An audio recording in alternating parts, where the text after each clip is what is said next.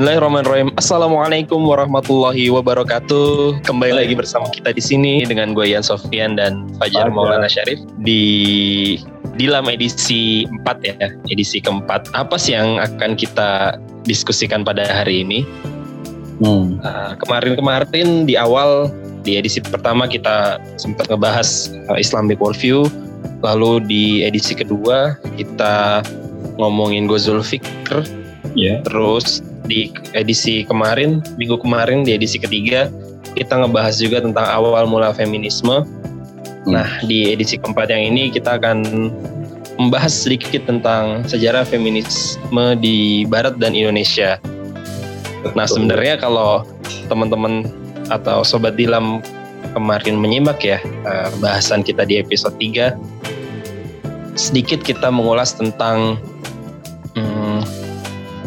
wave wave feminisme feminisme gitu ada wave wave nya gitu kan ada wave 1 wave 2 gitu cuma kita eh, nggak ngebahas terlalu eh, banyak karena bahasannya itu bukan cuma itu aja gitu Hmm. kemarin tuh hanya eh, sekedar sekilas-sekilas ya. Sekarang di bahasan bahasan kali ini kayaknya sih sekilas-sekilas juga gitu. Karena dari sekilas-sekilas. ma- ma- ya, materi yang kita dapatin sih di edisi keempat kali ini adalah tentang tentang itu wave-wave-nya kita.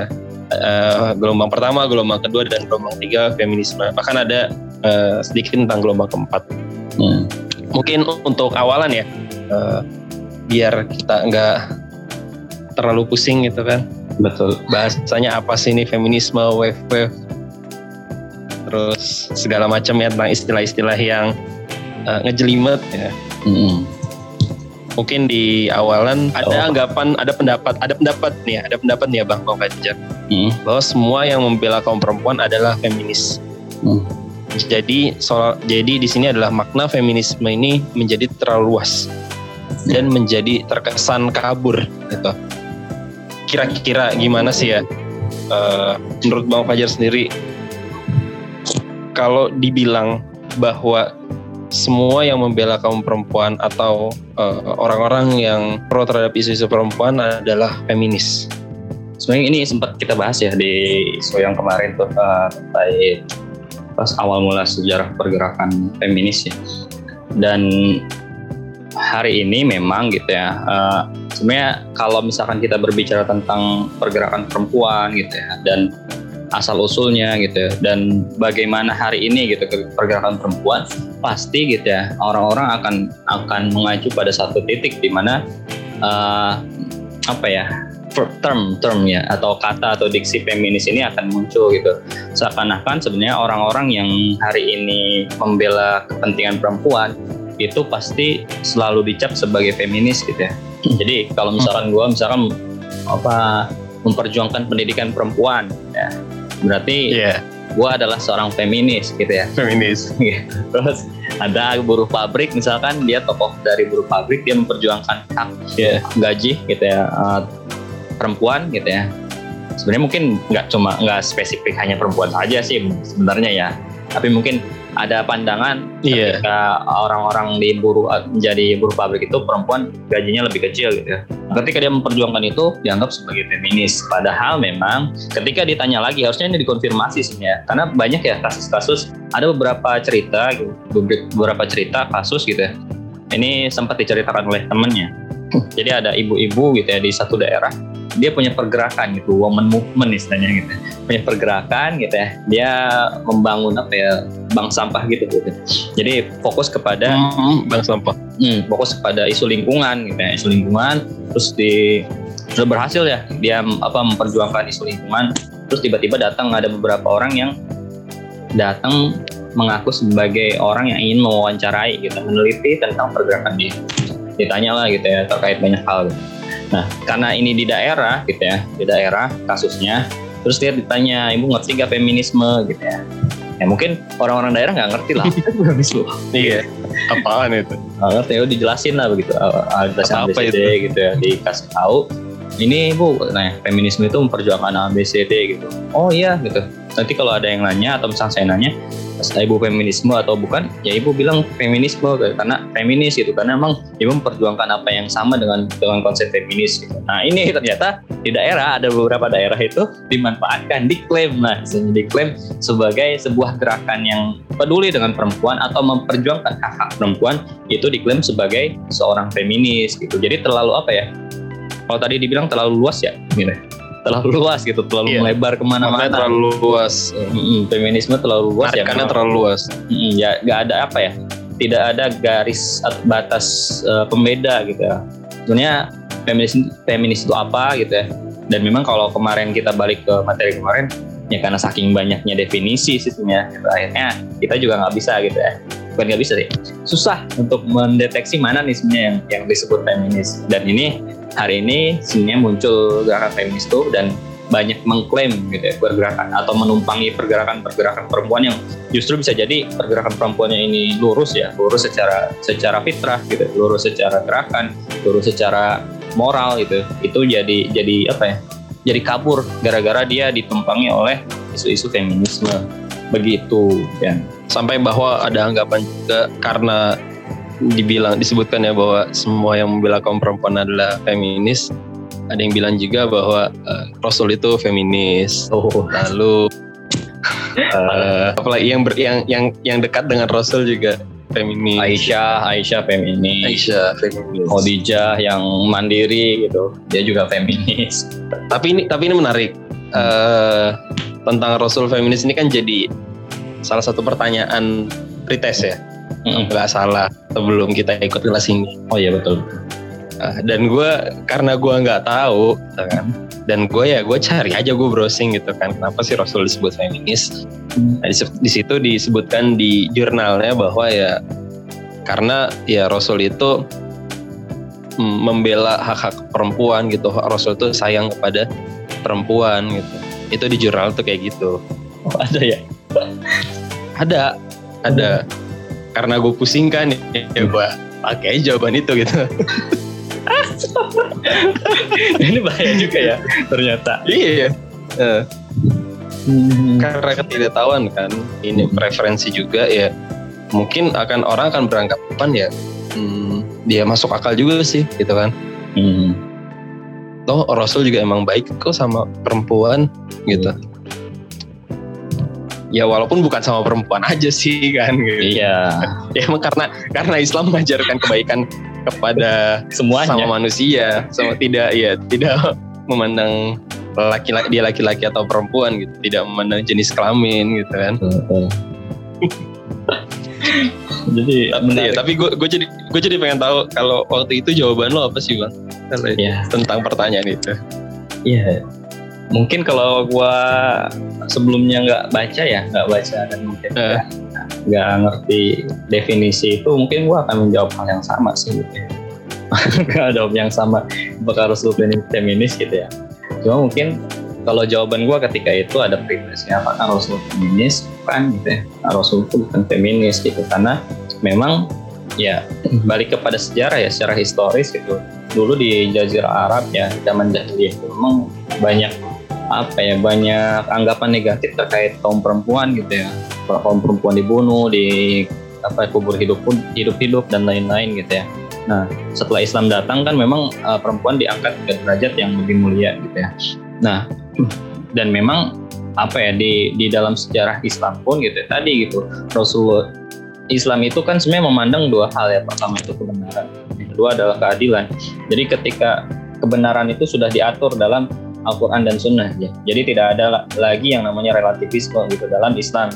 Makanya tidak ada tuh apa plan-plan ya, dalam dalam Islam tuh. Kedua uh, keadilan gitu. Nah ini konsep keadilan ini ini berlaku terhadap seluruh manusia gitu ya. Seluruh manusia bahkan hewan dan tumbuhan itu diperlakukan adil juga gitu ya. Bagaimana kalau misalkan kita apa uh, dengar gitu ya uh, bagaimana konsep kurban sekalipun gitu ya itu kan bagaimana adilnya Islam ketika berkurban ya harusnya uh, dengan pisau yang tajam dan lain-lain terus uh, tumbuhan gitu ya. Bahkan ketika perang pun tumbuhan di, dilarang dipotong gitu ya. Jadi secara umum secara konsep Islam itu sebenarnya menyeluruh ya. Syamil wa mutakamil kan menyeluruh dan komprehensif gitu ya. Nah, sempurna dan komprehensif sempurna dan menyeluruh gitu ya. Adapun misalkan memang ketika itu kondisinya di Jazirah Arab zaman jahiliyah gitu ya, itu kondisinya seperti itu yang apa perempuan tidak apa ya disiksa istilahnya, disiksa dan lain-lain, ya memang kondisinya begitu dan itu justru Islam datang untuk menghapuskan itu gitu ya. Karena memang kondisinya lagi lagi lagi kayak gitu, tapi Betul. Islam tuh tidak mem, apa ya, tidak mendendam gitu ya. Saya mendendam, ya udah nih karena waktu itu perempuan yang di apa ya, di opresi ya, dijajah istilahnya disiksa terus ketika Islam datang akhirnya ada konsep balas dendam gitu ya konsep balas dendam tuh nggak ada gitu. Beda kayak sejarah yang kemarin kita bahas gitu. Jadi uh, sejarah feminis itu muncul memang karena dendam gitu dan terhadap agama gitu. Memang waktu itu gereja menganggap iya. juga bahwa uh, perempuan itu sebagai perempuan jelmaan. penyebab dosa. Iya jelmaan yeah, setan jelmaan iblis. makanya apa uh, kaum feminis ini dendam banget sih sama sama apa ya sama laki-laki sama kaum agamawan gitu. Makanya mereka hmm. dendam sekali dengan nah Islam tuh nggak nggak nggak menerapkan hal itu gitu. Ya udah dia bersikap adil ke seluruh manusia gitu. Jadi gue apa kemarin apa bahas dan jawabnya itu ya Rasulullah bukan feminis. Kalaupun misalkan memang Rasulullah punya apa ya uh, bukan punya sih ada pergerakan untuk uh, mengangkat gitu ya harkat dan martabat wanita itu semata-mata karena memang nilai kemanusiaan gitu nilai kemanusiaan yang memang harus dijunjung tinggi gitu. Walaupun nanti misalkan ada eh, laki-laki uh, yang ter apa ya ter terjajah ya tetap aja gitu. Rasulullah akan memperjuangkan. Kita dengar pernah dengar Bilal bin Robah gitu ya. Bagaimana iya, Rasulullah yeah, menyuruh uh, Abu Bakar untuk membebaskan Bilal atau banyak lain lah gitu ya yang memang ketika itu konsep perbudakan masih muncul. Gitu sih. Dan apa ya menarik bukan menarik ya ya menarik ya. Mungkin kenapa ada pretest seperti itu gitu. pretest yang disampaikan oleh kelas feminis tuh melihat juga gitu oh nih yeah. ternyata pandangan apa pesertanya seperti apa terkait. Kalau misalkan ada yang bilang Rasulullah feminis ya, itu itu sih. Yeah. karena gue juga memandang awal waktu itu ya nggak ada yang salah gitu dari kata-kata itu gitu. Mm tapi ternyata uh, pemaknaan akan memiliki pemaknaan yang berbeda gitu ya. Betul. saat kita uh, menyebut Rasul itu sebagai seorang feminis. Uh, dikaitkan dengan sekarang. Uh, padahal cukup aja sebenarnya dengan uh, dengan Rasulullah apa membawa Islam ya. Udah cukup dengan Islam semuanya selesai hmm. gitu ya. Urusan perempuan urusan iya. laki-laki yeah. gitu. Lain. Jadi nggak usah bawa-bawa feminis. Ya tadi juga sempat nyinggung kan terkait uh, awal kemunculan feminisme di barat ya, bahwa di mana uh, ada anggapan bahwa perempuan itu adalah penyebab dosa, hmm. makhluk kelas 2. Hmm. Apalagi saat perempuan itu haid gitu kan, disebut hmm. apa namanya sebagai jelmaan iblis, iblis lah. Hmm. Karena uh, ada ada yang memang pada saat perempuan haid itu kalau di Islam kan memang tidak boleh dicampuri Mm-hmm. Tapi bukan berarti nggak istri itu nggak boleh disayang-sayang gitu kan, oh. karena itu salah satu perbuatan yang uh, zolim gitu di Islam. Mm. Jadi bukan berarti karena dia tidak bisa dicampuri, lalu lantas dijauhi. Mm. Tapi ada juga yang uh, di kemarin disebutkan di Yahudi bahwa uh, saat perempuan tuh haid, ya udah itu udah harus emang dijauhin gitu, mm. karena udah ya berasa hina banget gitu ya. Kotor ya, menurut mereka. Kotor.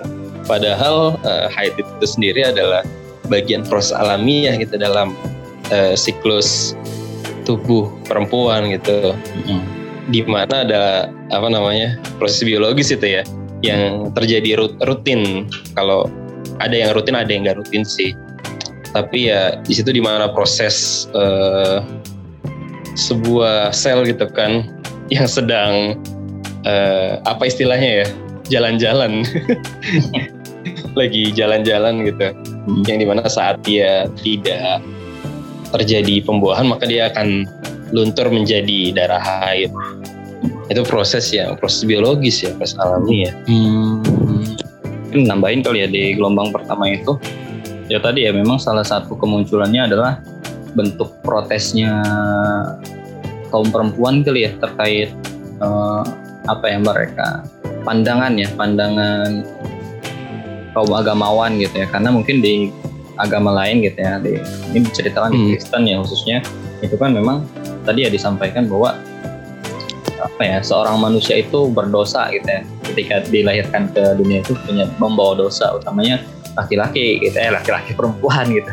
Karena yang menyebabkan Adam gitu ya, masuk eh, diturunkan dari surga adalah godaan dari perempuan gitu ya gitu. perempuan makanya memang konsepnya itu dibawa sampai apa ya sampai di beberapa agama tuh begitu makanya khusus ya perempuan itu benar-benar di ini sih di apa ya dijajah atau dihinakan, diopresi dan lain-lain gitu. Bahkan mungkin kalau misalkan pernah baca ini ya, baca definisinya feminis gitu dari apa ya dari bahasa. Sebenarnya dia kan muncul dari dari barat ya dari Eropa. Fem, feminis Iya. dari Prancis atau Inggris gitu ya. Nah di bahasa Prancis sendiri kan feminis itu artinya uh, le feminis ya artinya itu perempuan gitu ya. Perempuan dalam bahasa Prancis. Feminus dalam bahasa Latin artinya kurang iman gitu ya. Gue nggak tahu deh. Oh, gitu. Pernah pernah baca juga di, di Twitter ya. Cuma ada ustadz yang pernah menjelaskan juga gitu. Jadi memang secara secara ini secara definisi sendiri feminis itu adalah perempuan yang kurang iman gitu ya. Perempuan yang kurang iman. Sebenarnya kalau kalau mereka protes gitu, kalau mau mereka protes itu sejak dari definisi dan kata-kata itu kan udah protes. Feminis itu perempuan yang kurang iman gitu. Jadi secara definisi aja apa ya harusnya nggak diambil gitu ya. Kalau misalnya memang perja apa mereka ngerasa ini pergerakan mereka pergerakan perempuan gitu ya. dan memang feminisme itu di awalnya di gelombang pertama ya tadi disebutkan adalah sebagai gerakan woman movement sih sebenarnya gitu. Adalah perbudakan itu masih masuk di Hmm. yang awal nggak sih? Masih ya? Masih Tentang masih di awal. perbudakan? Oh masih. Gitu perbudakan gitu. Terus eh, kalau kata siapa tuh? Eh, Jeremy Bentham ya. Kemarin disebut Hmm. juga tuh lupa ya lupa, Iya. lupa ingat si Jeremy Bentham gitu ya jadi menuliskan di Introduction of Principle of Morals and Legislation 1781 ya jadi tekanan utamanya adalah menolak hak perempuan yang inferior karena dianggap kemampuan terbatas ini yang dijelaskan oleh Jeremy Bentham gitu dalam Introduction to the Principles of Moral and Legislation gitu ya. Jadi memang tekanan utama gitu ya, yang awalnya itu gerakan perempuan adalah menolak hak perempuan yang inferior karena dianggap kemampuan terbatas. Inferior itu apa ya? Eh, kurang percaya diri gitu ya. Jadi ada hak-haknya yang terbatasi gitu. Nah ini awalnya gitu, awal gerakan eh, feminis itu ya tadi gitu ya, menolak gitu, menolak perempuan yang inferior, yang terjajah, yang tidak bisa apa-apa gitu ya. Ini secara secara apa ya secara pergerakan sebenarnya kalau misalkan Islam sendiri menilai hal ini bukan sesuatu yang bertentangan dengan Islam gitu ya ketika muncul di awal pergerakan di awal era web pertama gitu gerakan woman movement gitu ya atau atau ada juga yang uh, menjelaskan secara definisi gitu bahwa feminisme feminis itu adalah the acting gitu ya acting speaking writing and advocating gitu ya on behalf of women's issues and right and identifying injustice to female in the social stand quo gitu ya. Jadi seseorang secara definisi ya seseorang yang seorang perempuan yang acting gitu maksudnya melakukan sesuatu speaking gitu speaking uh, berbicara, Berbicara, dan writing gitu menyuarakan. writing, menulis dan advocating gitu. Mengadvokasi gitu. Tentang uh, isu-isu keperempuanan. Ya, itu disebut feminis. Itu di awal kemunculannya sebenarnya. Di awal kemunculan feminis di gelombang pertama. Secara definisi kita nggak pernah apa ya, dia kalau misalkan definisi ini yang dipertahankan sebetulnya itu nggak ada nggak ada apa ya, tidak ada pertentangan sih. Dalam Islam pun diperbolehkan aja gitu. Kalau misalkan memang eh, menuntut hak-hak pendidikan, walaupun di Islam nggak pernah dibatasi kan gitu ya. Bagaimana Iya. Aisyah gitu ya sebagai salah satu perawi hadis gitu ya, riwayat hadis terbanyak gitu ya, selain sahabat-sahabat yang lain. Karena apa ya? Aisyah kan bersama Rasulullah ya sepanjang harinya gitu, di dalam rumah. Hadis-hadis tentang apa ya? Di dalam rumah bagaimana Rasulullah, terus bagaimana Hmm. hubungan suami istri misalkan. Itu kan tidak mungkin diceritakan oleh orang lain selain istrinya betul. Makanya penting juga perempuan tuh sebenarnya untuk, mengenyam pendidikan yang yang apa yang tinggi gitu dan tidak nggak bertentangan gitu. Selama ini pun di Islam kayaknya nggak nggak ada deh untuk apa ya membatasi membatasi perempuan harus harus SD atau pendidikannya harus rendah kayaknya nggak jadi itu eh, apa ya di awal-awal generasi pertama ya gerakan feminis di web pertama itu ya seperti itu. Sebenarnya secara apa ya cara gerakan tidak ada yang bertentangan dengan apa yang kita pahami dan Islam gitu itu tambahan sih sedikit sedikit tapi panjang Iya. Tadi ngomongin apa eh, nyinggung sedikit perbudakan ya. Eh, dan ternyata ini masih masuk di awal eh, pas eh, gelombang pertama feminisme. Hmm. Ya karena eh, perbudakan di Islam juga ada sih kan, ada Hmm. gitu. budak Islam juga ada.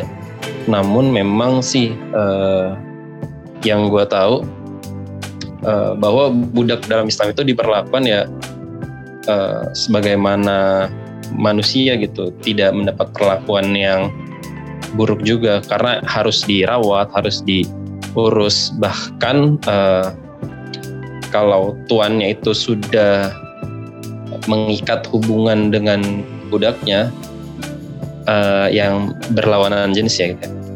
Eh, itu sudah bisa sama seperti istri gitu ya. Bahkan kisahnya juga kan ada gitu. Di Kesultanan eh, Turki Eh, kalau di filmnya itu ada Sulaiman the Magnificent mungkin kalau lu pernah nonton gitu. Tapi ini eh, ternyata dari diambil dari story juga dari sejarah juga. Bahwa ya eh, salah satu istri sultan itu dia awalnya adalah seorang budak gitu. Dari budak terus dia diangkat jadi jadi selir gitu kan. Karena sultan suka Eh, nah saat eh, selera itu tadi yang tadi budak itu jadi apa punya anak dari sultan ya kan?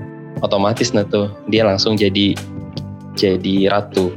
Mungkin kalau teman-teman bisa cari eh, namanya siapa yang nggak salah? Eh, Hurrem Hatun nih. Hurrem Hatun ada deh gitu. Hurrem Hatun. Nah, itu dia itu awalnya budak. Dari budak bisa jadi eh, apa namanya eh, ratu gitu ya ternyata.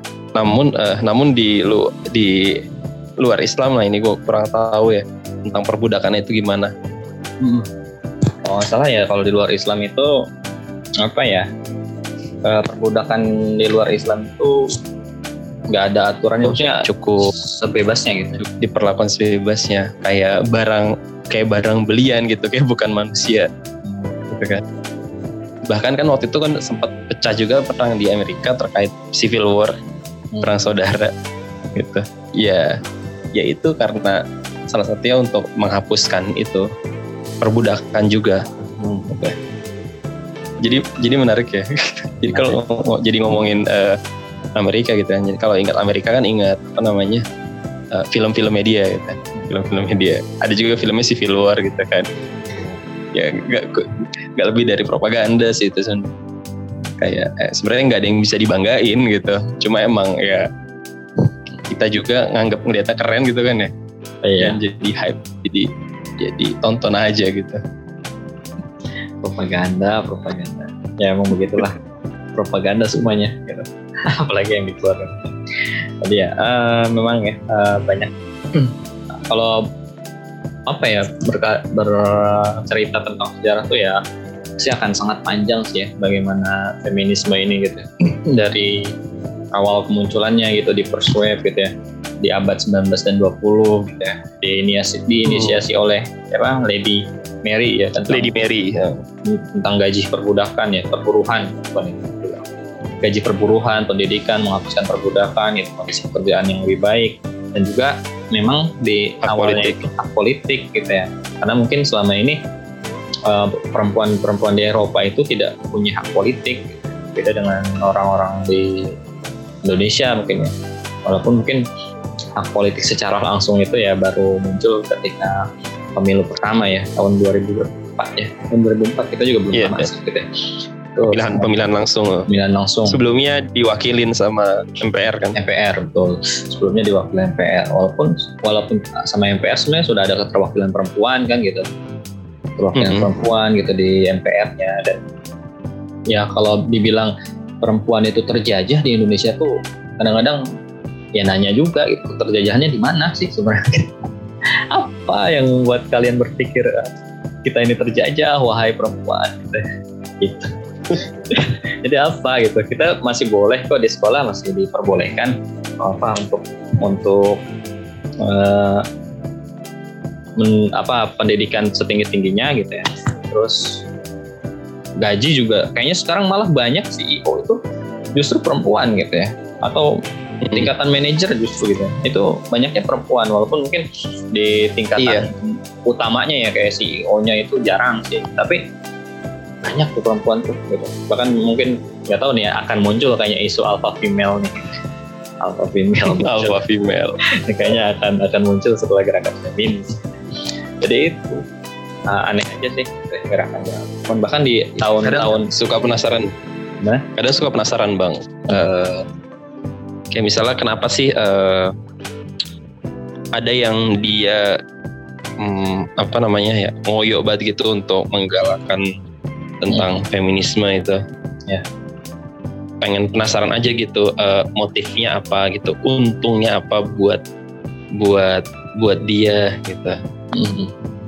padahal secara ini kan uh, ya hak haknya juga nggak ada yang terampas gitu. Iya. Kan segala macam bentuk tuntutannya yang di awal disebutin yang di awal dituntut oleh Lady Mary itu ya kayaknya semua udah udah clear gitu. Nggak ada yang belum selesai gitu hmm. baik dari gaji perbudakan terus kerjaan hmm. hak politik bahkan pendidikan gitu hmm. tapi kenapa masih ada yang apa namanya uh, getol untuk menyuarakan itu fungsinya apa untungnya apa ada agenda apa gitu nah, ini pertanyaan yang perlu dijawab oleh semua orang yang mendengarkan sih apalagi orang-orang feminis gitu. ya tadi kalau misalkan kita berbicara tadi disebutkan namanya nih Lady Mary itu memperjuangkan pendidikan gitu ya uh, gaji uh, perbudakan menghapuskan perbudakan hak politik. Di Indonesia ini udah dapat semua belum perempuan? Udah. Kayaknya udah. Udah kan ya? Sudah udah kan gaji juga kayaknya hmm. nggak hmm. ada deh yang yang sampai sebegitunya gitu. Malah guru yang harusnya harusnya protes tuh gajinya sembilan ratus ribu sebulan. Ya base, be, udah udah bukan gender lagi udah bukan, bukan. kelamin gitu. Basic perempuan tapi skill sekarang ya. Iya. Itu langsung udah ke skill gitu ya. Nah kenapa itu ini jadi pertanyaan pasti sebenarnya kalau ada kenapa itu pasti ada ada alasannya gitu ya. ini kemarin Ustadz sebenarnya bilang ya ini bisik-bisik aja ya kita di sini. Dia bilang karena memang sebelumnya ada ada ada agenda-agenda gitu agenda-agenda dari awalnya sebenarnya kan masuk dari ratifikasi CEDAW ya. Jadi kalau feminis CEDAW ya, CEDAW gitu ya. Nah, panjangannya apa tuh? Pokoknya agens ya, itulah agens ini ya pokoknya menolak diskriminasi terhadap perempuan itulah uh, bahasa Indonesia-nya panjangannya saya lupa nanti cari aja nah di situ diratifikasi ada peraturan-peraturan yang yang ketika kita meratifikasi peraturan dari CEDAW ini harus dijalankan di Indonesia gitu ya Nah, hmm. kebetulan Indonesia ini sudah meratifikasi CEDAW 1980-an ya kalau nggak salah. Nah, konsekuensinya apa? Konsekuensinya kalau misalkan CEDAW ini mengeluarkan aturan, misalkan, ya, berarti harus dijalankan di Indonesia. Salah satunya misalkan adalah uh, eh, LGBT gitu ya, memperjuangkan hak LGBT gitu. Nah, balik lagi sih sebenarnya gitu, kenapa diratifikasi dan kenapa kita mau melaksanakan hal itu gitu, karena ada cuannya. Hmm.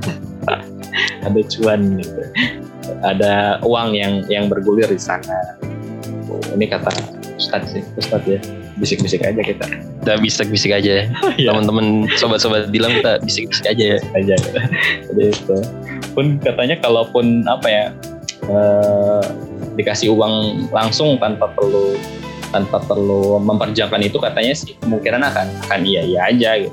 Karena memang apa ya banyak dan banyak ya scholarship atau beasiswa beasiswa khusus gitu ya membahas tentang apa ya isu-isu gender gitu ya dan ini banyak banget sekarang tuh di di kampus-kampus sudah mulai muncul isu-isu gender pembahasan isu gender tapi yang anehnya kan gender itu umumnya gitu. tapi iya. kenapa selalu yang jadi bahasan topik utama itu perempuan padahal gender gender ya lah juga walaupun kita tidak mengakui gender sih sebenarnya karena gender tuh di Thailand aja ada 18 18 iya. jenis gender gue tadi gue tadi habis nanya gitu kan uh. Uh, apa sih beda jenis kelamin sama gender kalau secara bahasa di bahasa Inggris itu kan sama gitu gender hmm. itu ya hmm. jenis kelamin hmm. tapi ini dibilang disebutin katanya uh, jenis kelamin itu ya laki-laki dan perempuan tok dua itu. Hmm. Kalau gender itu adalah uh, apa ya bahasanya ya? Karakteristik yang dinisbatkan kepada jenis kelamin.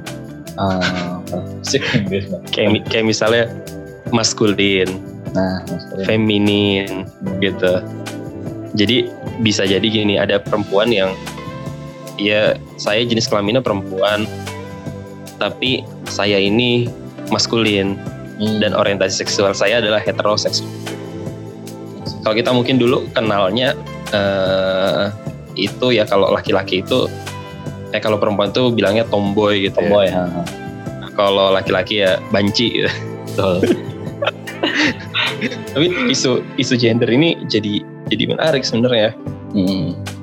Uh, bahwa ada ada kan ini ada teori ya teori teori gender itu disebutkan bahwa uh, kita ini diberikan kebebasan hmm. dalam menentukan uh, gender gitu hmm. sesuai apa yang diinginkan gitu. Uh. Orang-orang yang belajar ini tanpa landasan yang baik, ya dia akan memahaminya ya, ya udah dia mau suka-suka dia aja sesuai sesuai keinginan dia gitu tanpa pan, apa namanya uh, tanpa mempertimbangkan pandangan di masyarakat. Hmm. Ada yeah. juga misalnya gini, uh, di masyarakat itu uh, punya pandangan bahwa, nah yang namanya laki-laki itu nggak boleh cengeng, nggak boleh nangis gitu. Mm. Um, nah itu nanti akan uh, bermasalah itu kalau berkaitan dengan isu gender.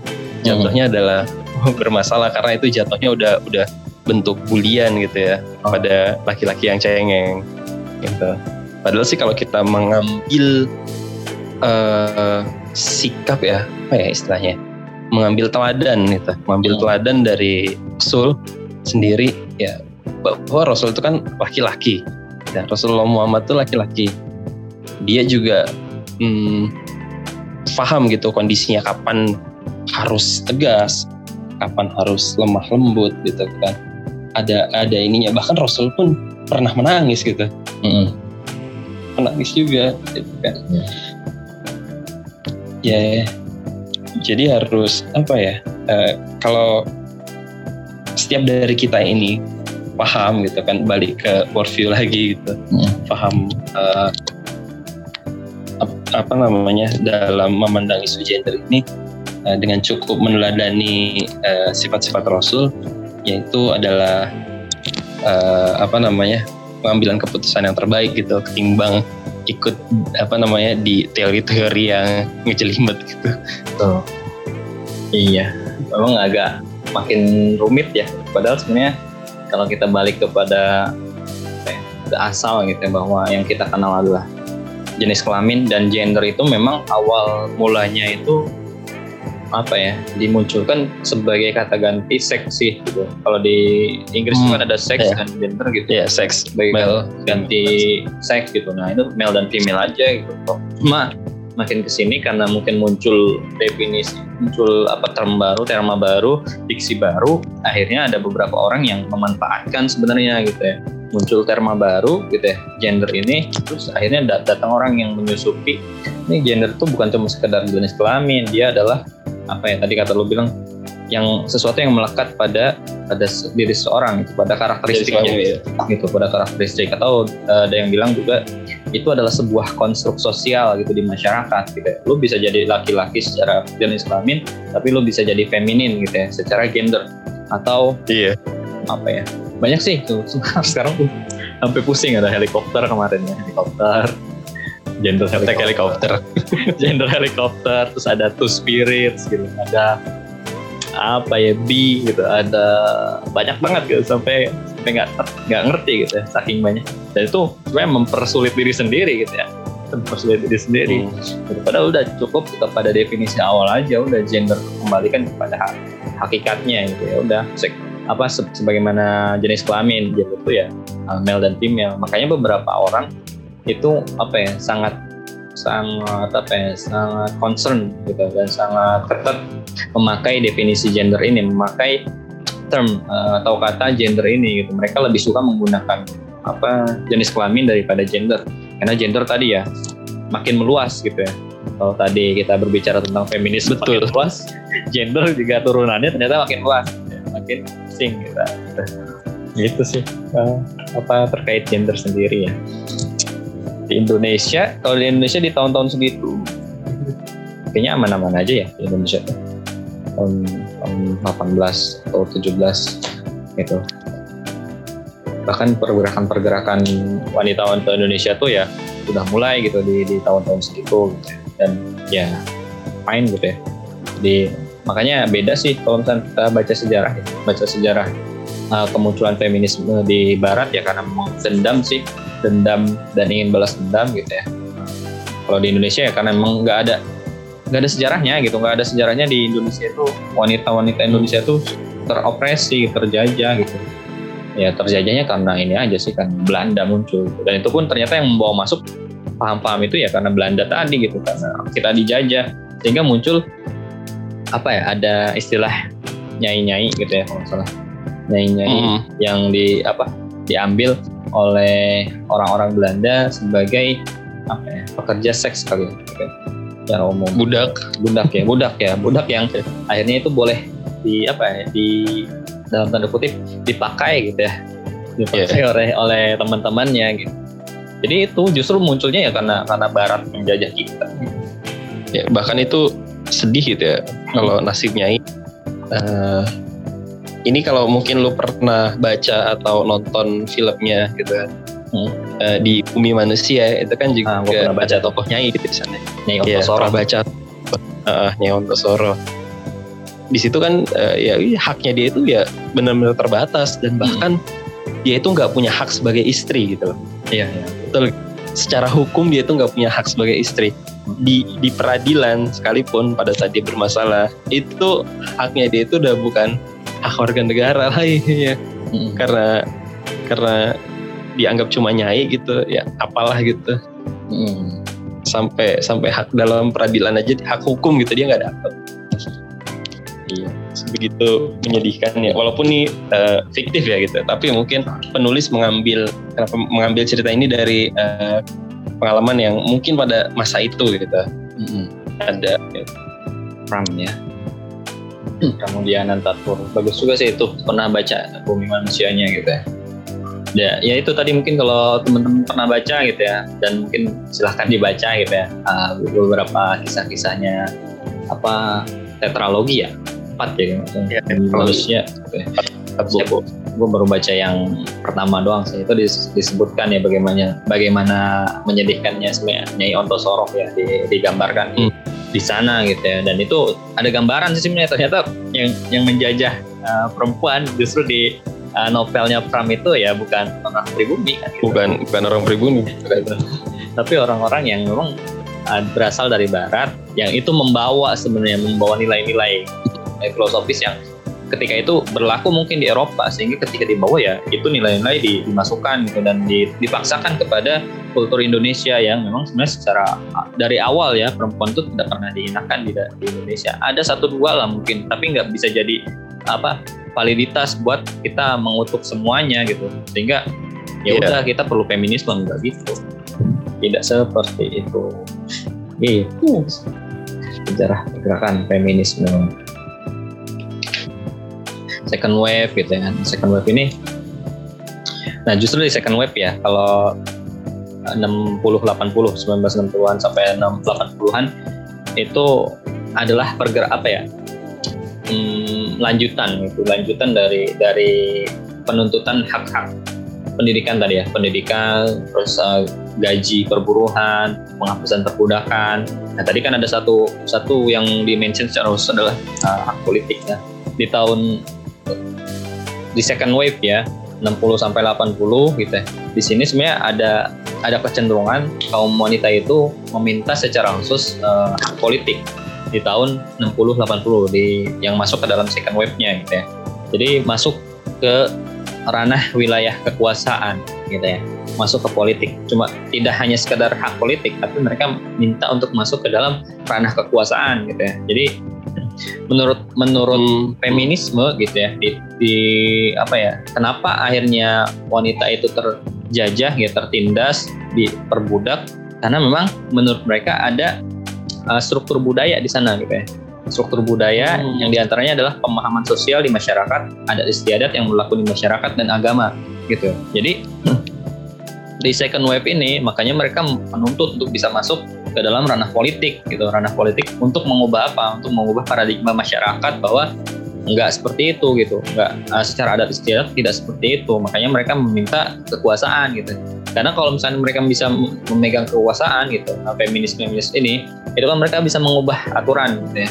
Bisa mengubah paradigma juga bisa mengubah pandangan masyarakat juga gitu. Ya. makanya ini di second wave-nya 60 tahun 60 sampai 80 itu wanita itu meminta masuk ke wilayah kekuasaan atau di politik gitu ya jadi itu hmm dan apa ya selain itu di second wave ini mulai itu muncul namanya gender mainstreaming Hmm, gender mainstreaming. Jadi gender mainstreaming. Jadi segala sesuatu itu harus ada pembahasan gender. gender. Perempuan tapi. Iya, tapi perempuan. gender apa gitu. Harusnya bukan bukan gender mainstreaming ya, tapi ya, woman mainstream oh feminis mainstreaming gitu kamu plase aja sih gender mainstream gitu jadi tahun 60 sampai 80 gitu ya. jadi di second wave-nya gitu. Wah, gue nggak terlalu ini sih kemarin ya nggak terlalu banyak ke apa ya banyak menulis ya di uh, second wave ini. Cuma mungkin akhirnya banyak tuh gender, isu gender mainstreaming ini yang uh, apa ya dibahas dan dimasukkan ke dalam eh, hal-hal uh, gitu yang sifatnya apa ya sebenarnya secara sejak awal tuh ya aman-aman aja gitu ya. Nggak ada nggak ada nggak ada apa opresi tidak ada penjajahan di sana tidak ada diskriminasi di sana. Misalnya di pendidikan harus membahas tuh isu gender mainstreaming gitu di ekonomi gitu dibahas juga ya isu gender mainstreaming gitu ya.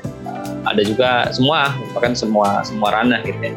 Sehingga apa ya orang-orang tuh udah udah udah mulai ngeh gitu ya. Mulai ngeh oh iya ternyata harus begini harus begini. Perempuan harus harus dibela gitu. Selama ini juga perempuan dibela gitu dalam Islam. Nggak semua hmm. perempuan gitu tapi seluruh manusia. Tapi di second web ini mulai apa ya, mulai masuk gitu mulai masuk ke hal-hal yang sifatnya apa ya, ranah publik kayak gitu khususnya di di politik sih itu sih kalau yang gua berarti lebih ke arah ya, isu gender itu sama masuk di politik ya di hmm. second wave ini. Iya hmm. gitu.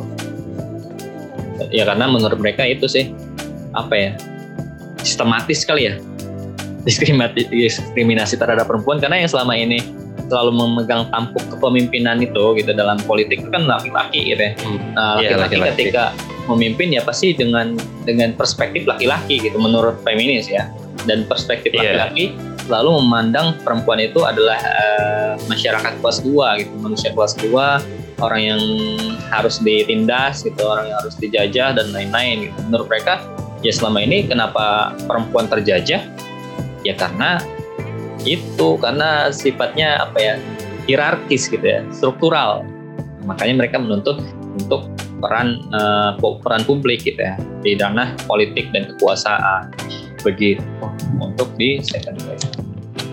Jadi insight baru ya buat hmm. yang belum tahu. Gitu di tahun 60 sampai 80 itu. Mungkin ke tahun-tahun berikutnya gitu ya masuk ke third wave. Hmm. Yang udah uh, di catatan gue sih uh, lebih kepada woman overprotected gitu dan keistimewaan khusus kepada perempuan. Hmm. Ini mungkin ya di tahun-tahun sekarang mungkin ya, tahun-tahun sekarang atau di sebelumnya ya. Sekarang uh, kayaknya udah atau atau atau sekarang atau sekarang udah masuk di next wave. Enggak. Mungkin masih ya dikit-dikit gitu ya. Masih. Masih masih kayak dikit-dikit. lama. Ya, ini menarik. Di Indonesia. Uh, lemot. Iya, kalau di Indonesia belum belum lama itu woman overprotected gitu kan yang di mana uh, awalnya itu kan uh, perempuan ingin dianggap mandiri gitu kan uh, ada ada pergerakan woman movement gitu yang bahkan uh, apa namanya ya perempuan tuh nggak mau dianggap lemah gitu kan menurut pandangan feminis. Uh, tapi ya uh, buktinya sih di di era-era sekarang gitu kan ya. Kalau kita mungkin jalan-jalan ke naik naik public transportation gitu kan ya. Di Transjakarta aja disediakan uh, atau di kereta gitu ya di KRL ada namanya ruang ruang khusus perempuan gitu kan. Area khusus ya area khusus perempuan gitu. Jadi kan terkesan apa namanya? Uh, ya sebenarnya perempuan itu butuh dilindungi gitu ya. Emang emang pengen dilindungi gitu. Ya harusnya kalau uh, yang punya pandangan feminis ya akan menolak mentah hal ini gitu kan. Oh. Ngap, ngap, ngapain dipisah-pisah gitu. Gue juga bisa kok di apa namanya nggak perlu dikasih ruang khusus tetap bisa stay strong. Tapi sekarang uh, malah makin banyak gitu ya ruang-ruang khusus untuk untuk perempuan. Tapi memang menariknya ini ya kalau di public transportation gue pernah dengar cerita bahwa nah, ternyata perempuan itu sebenarnya agak takut gitu kalau ada di ruang khusus perempuan. Kenapa? Karena apa? Karena biasanya lebih ganas. Oh gitu gitu. Dalam perebutan kursi itu lebih lebih keras gitu. Persaingan lebih keras gitu. Jadi dia lebih baik melipir ke tempat laki-laki. Nah di situ dia merasa lebih lebih safe karena dikasih tempat duduk gitu kan, diperlakukan baik gitu. Jadi anggapan di mana apa namanya uh, perempuan itu ditindas tidak diperlakukan tidak adil itu ya sekarang hanya nggak ada gitu. Tahu bahwa realitanya kayak gitu banyak perempuan yang yang uh, lebih memilih ya akan nyaman di tempat tempat campur gitu maksudnya. Karena dia diperlakukan lebih lebih baik gitu. Ini ya kalau tertib ya. Tertib tadi disampaikan juga sama aku bahwa ya salah satunya apa yang protektif. Dan kalau di public transportation tadi gitu ya memang apa ada ada ruang khusus ya gerbong khusus ya kalau di kereta itu ada khusus. Iya. Kalau di gerbong khusus. busway ada apa bagian khusus ya bisa di depan tuh. Iya di depan ya di depan. supir gitu ya. Dan apakah orang-orang yang menentukan kebijakan ini feminis? Enggak kan? Karena dia meng, meng, apa, mengutamakan perempuan gitu ya. Enggak gitu ya. karena emang sebenarnya secara fitrah gitu ya baik pada fitrah bahwa ya wanita itu apa ya bukan karena sifat lemahnya sih sebenarnya tapi memang uh, secara fitrah mereka harus dilindungi gitu. Pun sebagai seorang pria yang bertanggung jawab pasti ya gitu orang-orang yang bertanggung jawab mereka akan melihat uh, perempuan itu. Makanya kenapa, tadi muncul anggapan bahwa mereka lebih lebih apa ya lebih aman dan nyaman kalau misalkan di gerbong yang campur. Karena memang secara umum laki-laki di Indonesia gitu walaupun ada beberapa gitu itu kan menghormati yeah. dengan sangat gitu ya uh, wanita gitu. Makanya kalau ada perempuan yang berdiri misalkan terus dia laki-laki sendiri pasti dia nggak enak. Duh gua cowok sendiri. Lagi udah mbak duduk gitu ya kan. Dengan dengan cara sadar dia ngerasa gak enakan. tuan gitu ya. Iya enakan gitu ya. Nah itu kan dia kan kita nggak harus jadi feminis gitu untuk apa ya memberikan hak-hak perempuan terkait hal seperti itu. Misalnya gerbong perempuan terus uh, ruangan khusus perempuan dan lain-lain kita jadi feminis ya karena memang sifat dan fitrahnya aja gitu memang beda gitu katanya kalau kata Bunda kalau di Amerika eh, di Amerika ya Amerika kalau misalkan saking ini ya saking ganasnya feminis di sana gitu kalau misalkan ada laki-laki yang ngasih ngasih duduk ke perempuan gitu yang diri pasti dimaki-maki iya. katanya saking apa mereka ngerasa terlecehkan gitu. padahal yeah. Bukan maksud untuk melecehkan gitu tapi memang apa ya mungkin kita dari awal ya diajarin sama apa orang-orang tua kita ya ya memang perempuan harus dihormati gitu harus dilindungi harus mm -hmm. di apa ya dijaga dan lain-lain gitu nggak nggak perlu apa ya nggak perlu jadi feminis sih sebenarnya karena emang udah diajarin gitu secara kultur pun kita udah diajarin seperti itu gitu. jadi itu dan kalau bahas third web gitu ya selain tadi hal-hal yang udah disebutkan ya jadi kalau tadi kan kita bahas gender mainstreaming ya. Gender mainstreaming yeah. di second wave. Nah, di 90-an atau di third wave ini gender mainstreamingnya ini di apa ya? udah masuk ke ranah-ranah yang mikro gitu ya.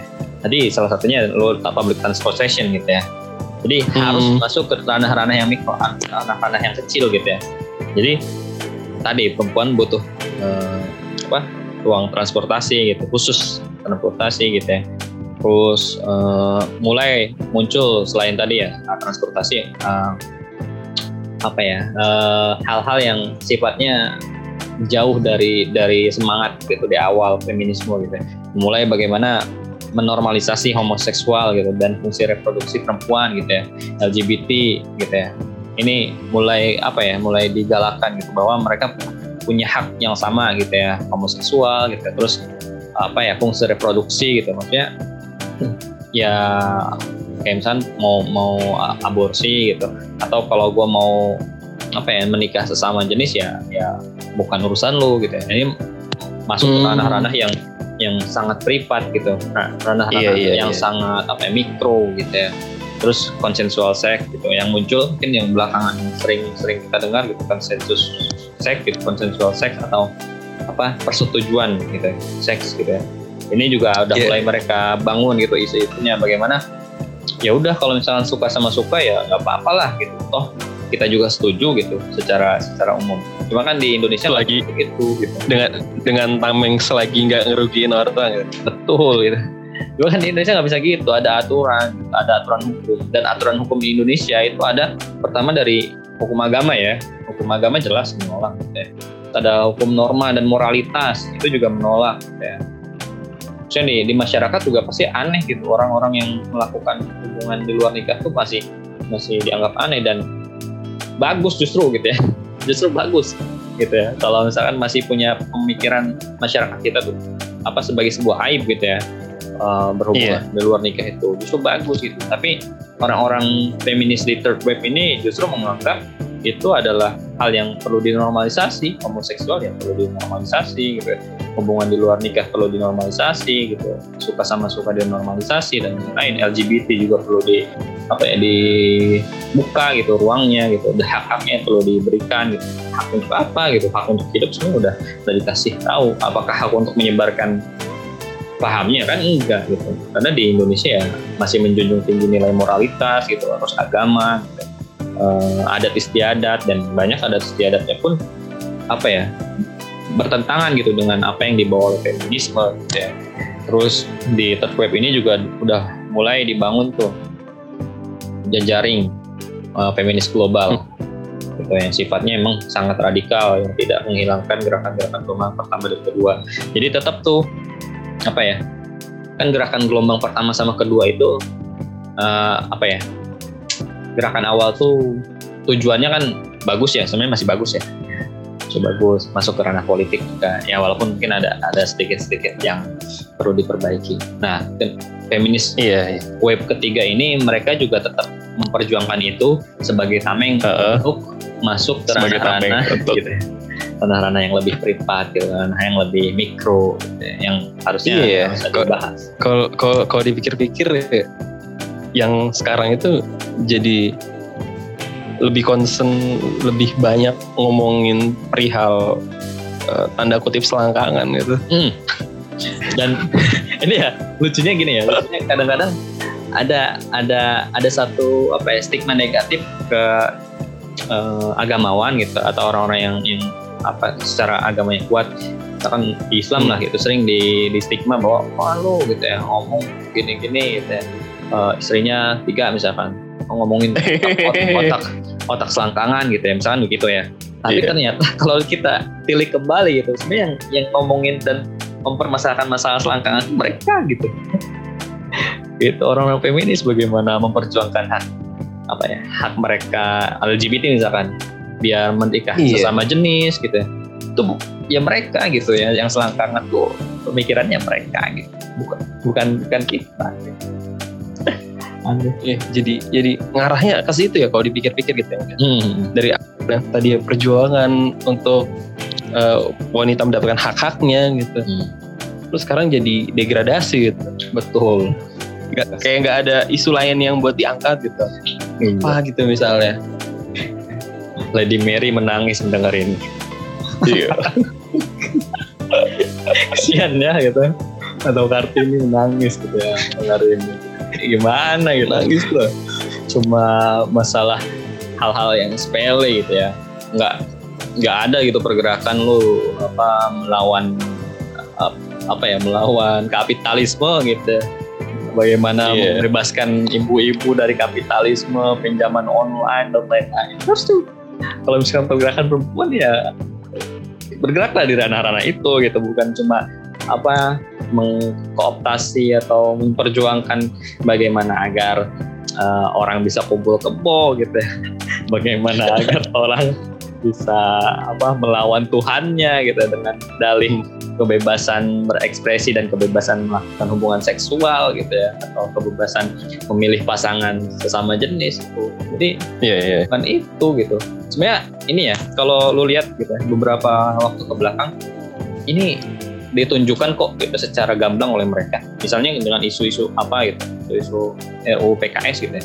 Jadi mereka mendatangkan public figure yang boleh yang secara apa ya secara umum pun kita tahu ini public figure sebenarnya adalah orang yang apa ya sering mem, apa ya membuka konten-kontennya itu terkait kebebasan seks gitu ya. Kebebasan seks hmm. uh, mengundang. Nah kalau kalau lu menutup nutupi segimanapun kalau lu ngundangnya orang-orang yang misalkan seringnya berpakaian terbuka terus menggembar-gemborkan kebebasan seks ya ya secara apa umum aja udah bisa diketahui niatnya. Ke sana di mana di mana pergerakan perempuannya di mana mau mengangkat hak derajat perempuannya kalau yang diundang ya orang-orang yang begitu-gitu juga. Nah, ngerti lah. Lucu jadi lucu. Hmm. ada juga uh, tempat uh, nge-stalking enggak nggak nge-stalking sih. Uh, ngelihat aja ngelihat di Instagram hmm, jadi istri follow uh, salah satu akun uh, yang katanya dia itu feminis. Nah dia itu bergerak apa ya kayak hmm, menghaluskan kata-kata gitu gitu loh, membuat pemaknaan uh, apa ya mengganti kata-kata gitu yang yang supaya terkesan uh, itu lebih membuat perempuan itu berdaya. Ya udah masuk ke situ lagi tentang kata-kata gitu. Hmm. tentang kata-kata. Kayak misalnya uh, aduh apa ya salah satu yang lupa waktu itu. Tentang hubungan misalnya laki-laki dan perempuan. Kayak agak-agak lupa gitu lupa di Instagram. Pokoknya intinya uh, mencari pemaknaan dengan kata yang lain gitu memperhalus kata-kata gitu hmm. dengan kata-kata juga udah mulai uh, ke situ. Uh -uh. Kalau apa berbicara tentang kata kan kemarin kita bahas juga ya bahwa ini salah satu agenda perang pemikiran gitu dan hmm, emang paling gampang ya orang-orang tuh dibius dengan dengan kata-kata sih gitu ya apalagi perempuan gitu ya iya, perempuan iya. itu jangankan dijanjikan apa ya eh kadang-kadang buaya-buaya gitu. Laki-laki itu kan janjian dengan kata-kata apalagi dengan dengan dalih pergerakan perempuan gitu apa meng, mengangkat isu-isu kesetaraan gitu mengangkat isu-isu penolakan mengangkat isu-isu apa ya keterjajahan gitu. Itu kan paling paling ini menurut mereka. Apalagi mungkin mengundang atau mem, apa ya membawa orang-orang yang pernah punya apa ya, trauma gitu ya. Entah nanti di hmm apa pengalaman pribadinya uh, di keluarga atau nanti di pengalaman dia sebagai seorang istri dan lain-lain yang gagal gitu. Apalagi itu gampang banget gitu ya. Karena ya orang yang terluka itu cenderung apa ya? Cenderung gampang gitu ya untuk diajak gitu biasanya gitu. Kayaknya emang wajar kalau misalkan hari ini banyak orang-orang yang tertipu dengan dengan dalih kata-katanya gitu ya. Karena memang ya tadi dibahas ya bahwa feminisme itu erat kaitannya dengan sekularis sekularisasi gitu ya, sekularisme gitu ya. Di mana memang ingin menjauhkan gitu ya, agama gitu atau dengan liberalisme gitu uh, membebaskan sebebas-bebasnya dari paham-paham uh, agama gitu ya. Makanya perlu hati-hati sih gitu perempuan-perempuan yang memang jangan serta merta ketika oh ini begini dijanjikan perempuan akan apa ya merdeka dalam tanda kutip atau dengan keberdayaan memberdayakan perempuan semaksimal mungkin gitu. bisa jadi ya itu hanya apa ya hanya angan-angan belaka gitu ya karena memang sifatnya kan tidak tidak apa ya tidak panjang tidak long lasting biasanya ya gerakan-gerakan perempuan atau gerakan-gerakan yang muncul dari dari rahim feminisme ini adalah gerakan-gerakan yang cenderung tidak stabil gitu ya relatif gitu ya.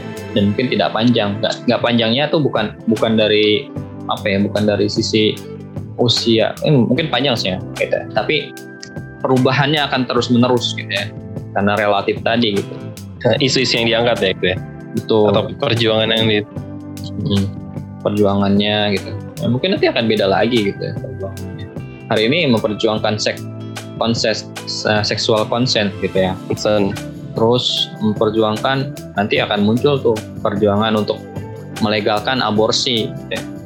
sebagai dalih ya ini kan tubuh gua gitu mau diapain kayak ini rahim rahim gua gitu mau diapain ya terserah gua kan gua punya kebebasan padahal secara konstitusi ya aborsi tetap dilarang gitu ya tetap dilarang di Indonesia karena itu sebuah pembunuhan gitu ya pembunuhan Hmm. apa, manusia gitu.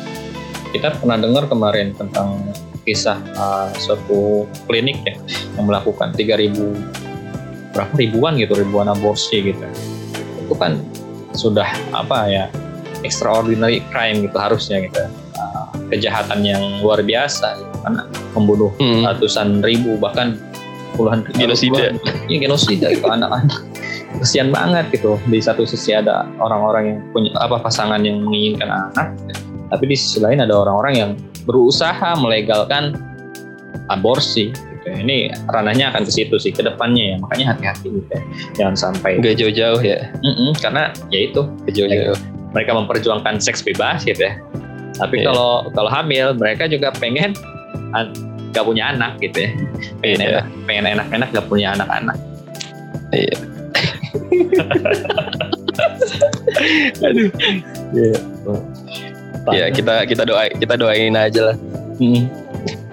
harus doain didoain. aja. Harus didoain. Biar biar tercerahkan. Lucu bener ya. Ini ya kalau mungkin terakhir kali ya. Kalau mau nambahin nggak apa-apa sih? Kita belum bahas ini apa pergerakan di Indonesia nya. Hmm. di Indonesia catatan gua habis sih di Indonesia mungkin sedikit ya sebelum terakhir yang gue catat Iya. itu ya memang sebenarnya gerakan feminisme ini muncul dari dari gerakan kolonialisme yang di, di Belanda dulu gitu. Memang tadi ya seperti kita bahas di awal tadi gitu ya, ya yang menjajah penjajahan orang Eropa terhadap bangsa Indonesia gitu ya.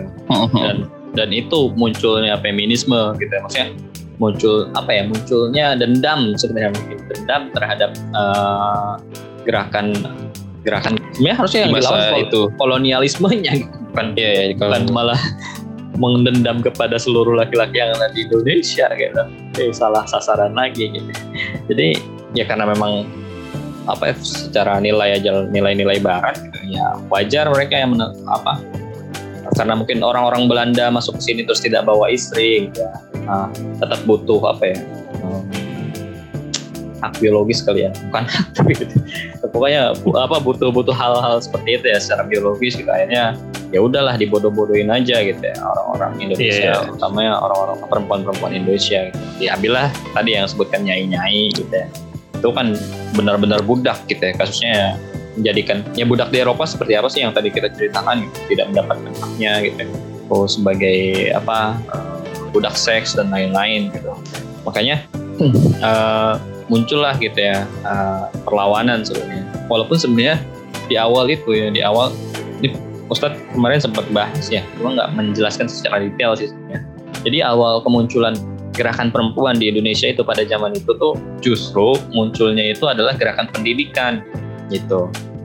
Gerakan pendidikan hampir sama kayak apa yang diperjuangkan oleh siapa Lady Mary tadi ya gitu ya. Gerakan Hmm. pendidikan muncul misalkan Aisyah gitu. Di Muhammadiyah. Terus ada oh iya. Muslimat NU gitu ya.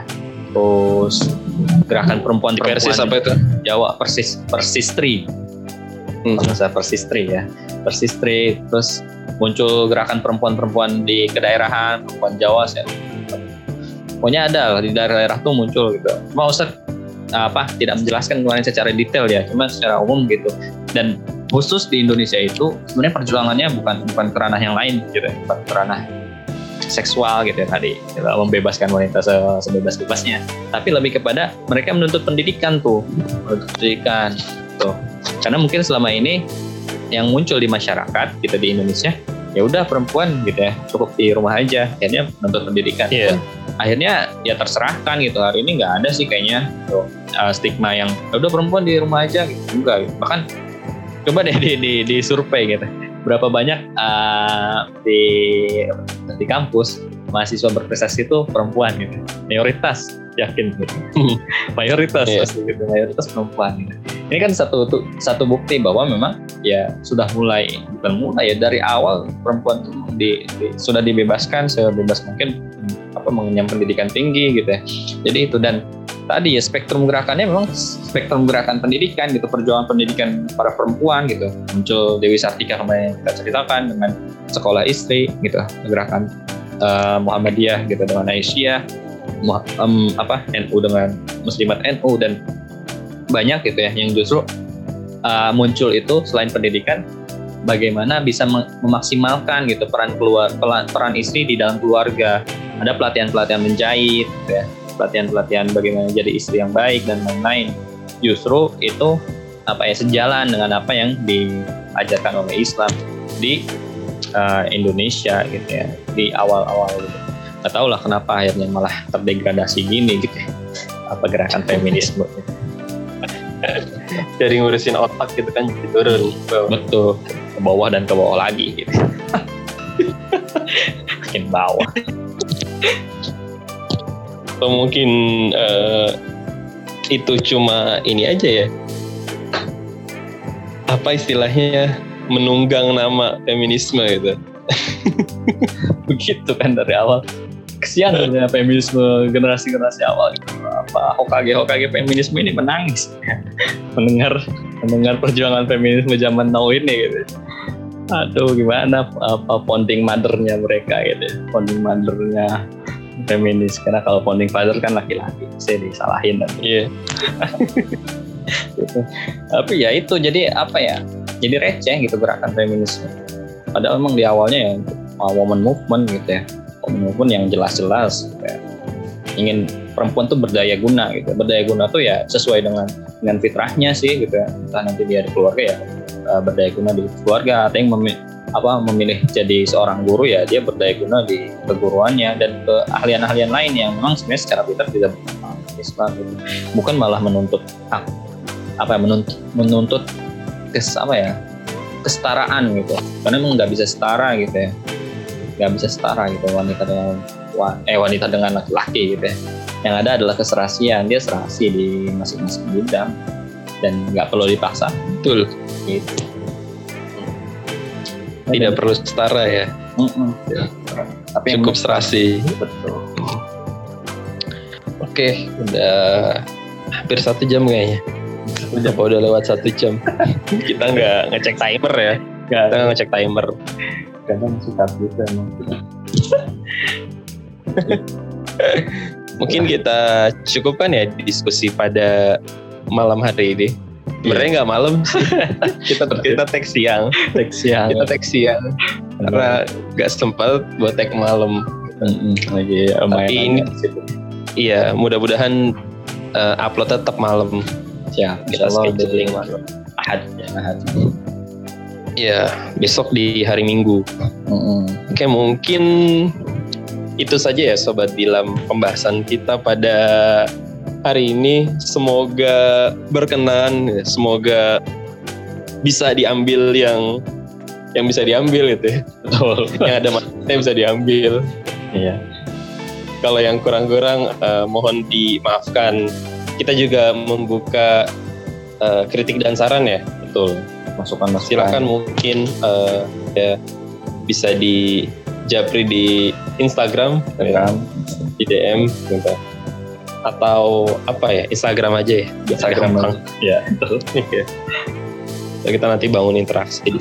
Siap. Sekian ya dari kita berdua. Eh, wassalamualaikum warahmatullahi wabarakatuh.